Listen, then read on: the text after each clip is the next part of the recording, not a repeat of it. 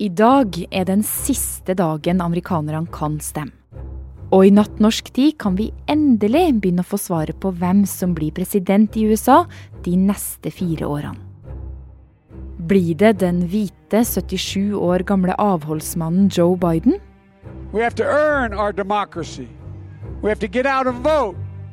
Eller den hvite 74 år gamle avholdsmannen Donald Trump?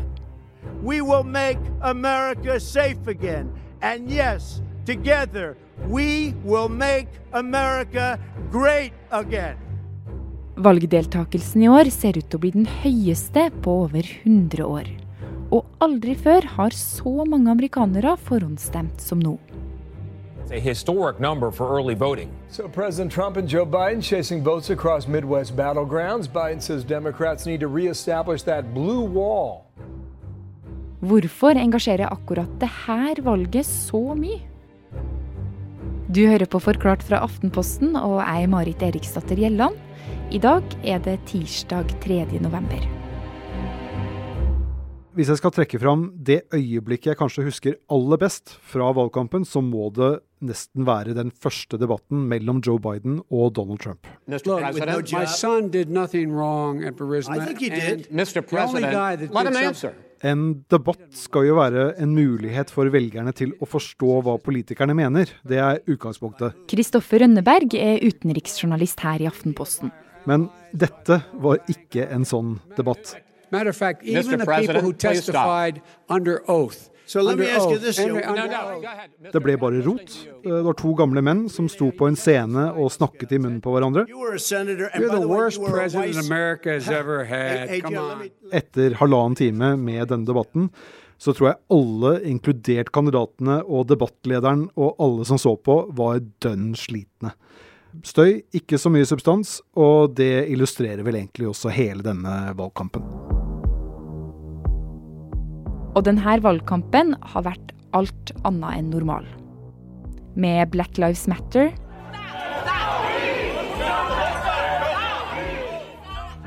Innsettelsen av en ny konservativ katolsk høyesterettsdommer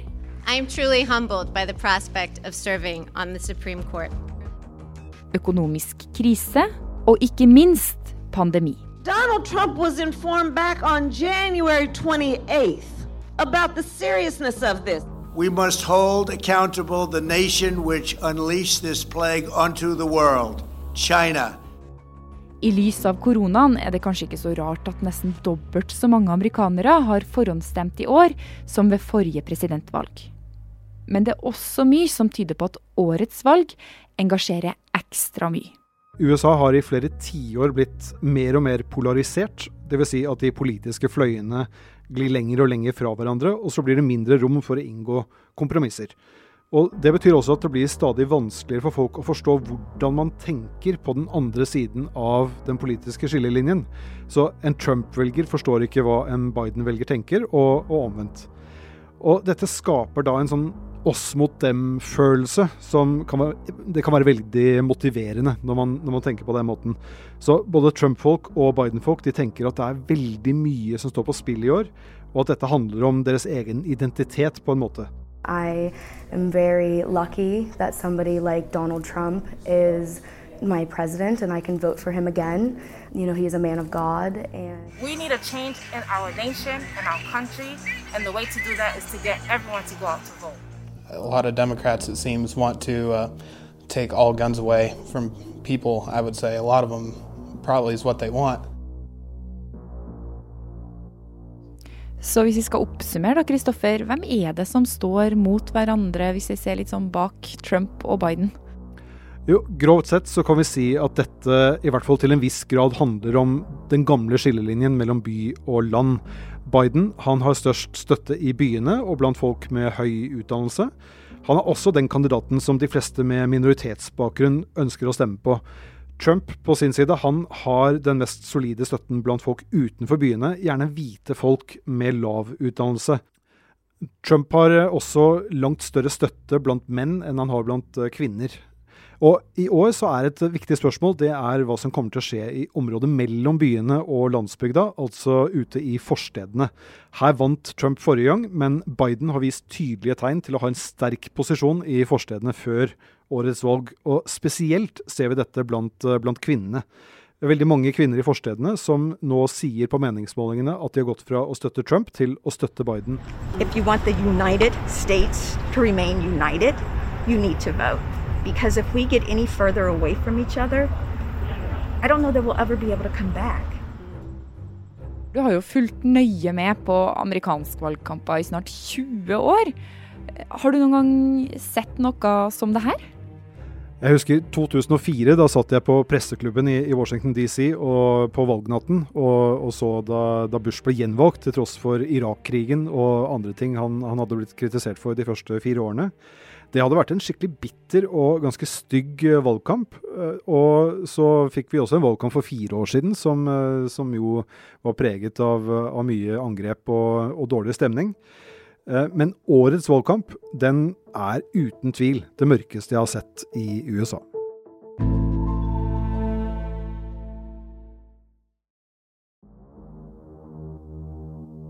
Denne amerikanske presidentvalgkampen kan kalles mørk, som Kristoffer gjorde tidligere. Og noe av grunnen til det er debatten rundt måten mange stemmer på i år.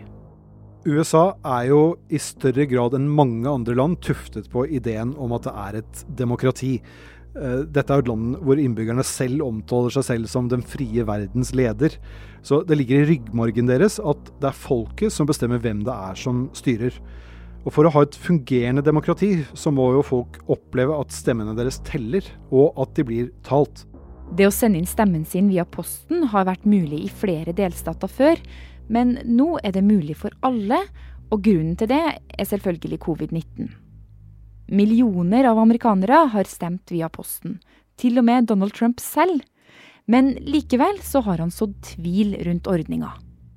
This is going to be a fraud like you've never seen. They're sending millions of ballots all over the country. There's fraud. They found them in creeks. They found some with the name Trump, just happened to have the name Trump. I år så har Trump gjort ganske mye for å antyde at poststemmene på en eller annen måte kan jukses med. Det, det fins ikke noe bevis for at dette stemmer, men det Trump lykkes med, er at han sår tvil om troverdigheten til hele det amerikanske valgsystemet. Og dermed så sår han også tvil om det går an å stole på hele det amerikanske demokratiet. Og det er jo litt skummelt hvis folk begynner å tenke at stemmene deres ikke har noen verdi. Poststemma er ett eksempel på hvordan den sittende presidenten sår tvil om valgordninga. Et annet kom under den første presidentdebatten, der han ber tilhengerne sine sjekke om alt går riktig for seg under valget. I'm urging my supporters to go into the polls and watch very carefully because that's what has to happen. I am urging them to do it. Jeg tror at eh, Donald Trump har sett på de samme meningsmålingene som alle andre, og han vet at han har en bratt oppoverbakke hvis han skal vinne dette valget. Eh, ved å så tvil om valgresultatet, så kan han kanskje finne en annen vei til seier. F.eks. Eh, så kan han finne en vei gjennom rettsvesenet. Hvis han saksøker delstater eller, eller lokaler og, og, mener at resultat, resultatet er noe annet enn hva de sier at det er. Eh, så vet vi også at eh, Trump eh, er en person som lever av kaos. Dette var også noe han tok med seg fra livet som forretningsmann og inn i Det hvite hus. Hvis det er kaos rundt Trump, så er det rett og slett lettere for ham å få det som han vil. No. We should know the result of the election on November 3rd. The evening of November 3rd. That's the way it's been, and that's the way it should be. What's going on in this country? Men du, altså Kristoffer, nå har vi havna i denne Trump-fella igjen. Det er altså utrolig vanskelig å snakke om valget i USA uten at Trump får mest plass. Ja, Donald Trump han har en helt unik evne til å komme seg inn i hjernene til folk. Men, men eh, Biden, da? altså Hvordan er det han har satt sitt preg på denne valgkampen? Rett og slett ved å ikke sette noe særlig preg på den. Han, eh, han, holdt, seg, han holdt, seg, hjemme i, i, huset sitt ganske lenge. Det var delvis pga. pandemien, og så var det delvis fordi han vet at dette valget her, det handler ikke så mye om Joe Biden, men det handler om Donald Trump. Det er en slags folkeavstemning for eller mot Trump. We don't give in. Unlike Donald Trump, we're not going to surrender to this virus. Og det er også Joe Biden som leder på meningsmålingene. Faktisk så tror så å si alle selskapene som driver med meningsmålinger, at det blir Biden. Og hvis du fulgte med på valget for fire år siden, da Hillary Clinton stilte mot Trump, så så det litt likt ut. Så å si alle målingene viste at Hillary Clinton kom til å vinne. You see corporations making record profits with CEOs making record pay, but your paychecks have barely budged. Men så ble det jo Trump. Men ifølge Kristoffer så er det tre ting som gjør at valget i år er annerledes enn i 2016. For det første så var Hillary Clinton ganske upopulær. Og, og, det gjorde at uh, mange av disse menneskene stemte på Trump eller på en annen kandidat rett og slett fordi de ikke likte Clinton, uh, eller så holdt de seg hjemme. Joe Biden han er ganske populær, og dermed så har ikke han det samme problemet som, som Hillary Clinton akkurat der. Den andre tingen som er forskjellig, det er at eh, meningsmålerne de har lært av de feilene de gjorde i 2016. Dette er noe de lever av, og hvis de gjør den samme feilen på nytt, så må de sannsynligvis finne seg noe annet å gjøre. Da blir det vanskelig å tjene penger på å drive meningsmålinger. Og så, for det tredje, det som er forskjellig i år sammenlignet med 2016. Trump er president. Det var han ikke ved forrige valg. Trump elsker jo å fremstille seg selv som en slags opposisjonskandidat, og det fungerte sist gang. Eh, og han prøver jo å gjøre det samme litt denne gangen også, men det er jo vanskelig når han har sittet i Det hvite hus i fire år. Ikke minst når han er den som har det øverste ansvaret for en økonomi som går dårlig, og i en pandemi som foreløpig har drept over 230 000 amerikanere. Så det du sier nå er egentlig at vi kan stole på meningsmålingene, og da blir det vel Biden som vinner, da? Hvis meningsmålingene har rett, og det er det større grunn til å tro enn i 2016, så kommer Biden til å vinne dette valget. Du har kanskje sett noen bilder av det amerikanske kartet i det siste. Noen delstater er helt blå, og andre er helt røde. Det er en grunn til at valgkartet ser sånn ut, for valgordninga i USA er ganske annerledes enn den er her i Norge. Hver delstat har et antall valgmenn som stemmer på vegne av folket. Valgmennene må i nesten alle delstatene stemme som flertallet i staten. Så hvis Trump vinner med én stemme i én delstat, så stemmer alle valgmenn Trump, og delstaten blir rød på kartet. Vinner Biden med én stemme eller mer, så stemmer alle valgmenn på han, og delstaten blir blå. Vinneren tar alt, rett og slett. Dette fører til at noen stater blir viktigere enn andre, f.eks. For fordi det kan være veldig jevnt. Jeg tror de to viktigste vippestatene å følge med på på valgnatten, det blir Pennsylvania og Florida. Og Florida de er først ute. Allerede klokken to så kommer eh, store deler av resultatet derfra. Da kommer vi til å vite mye om hvordan dette valget har, har gått. Andre delstater vi bør følge med på, er eh, Michigan og Wisconsin, der Trump vant med en veldig, veldig liten margin i 2016. Og så kan det bli interessant å se om tradisjonelt sett republikanske delstater som Georgia og Arizona denne gangen velger å gå for, for Biden og demokratene. Så Kristoffer, du sier nå at uh, de første valgresultatene kommer allerede i natt.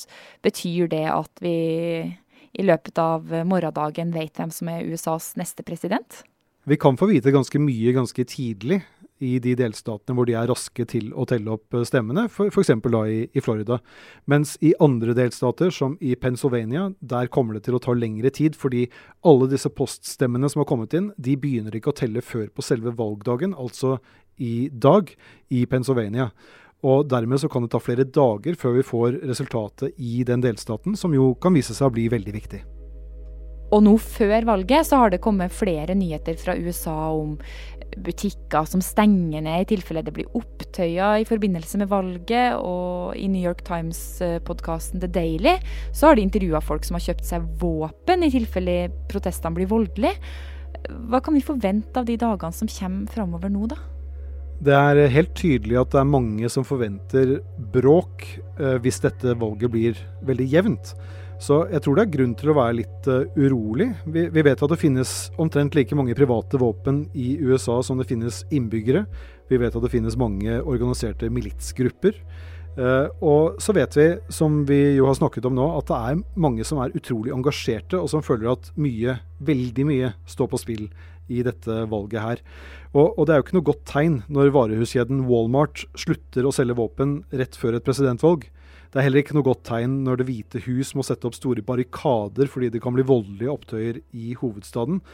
Så vi får jo nesten bare håpe da at valgresultatet i natt blir så tydelig på et tidlig tidspunkt at det blir vanskelig for den ene eller andre siden å hevde at dette valget ble stjålet. Men akkurat nå så er dette veldig nervepirrende.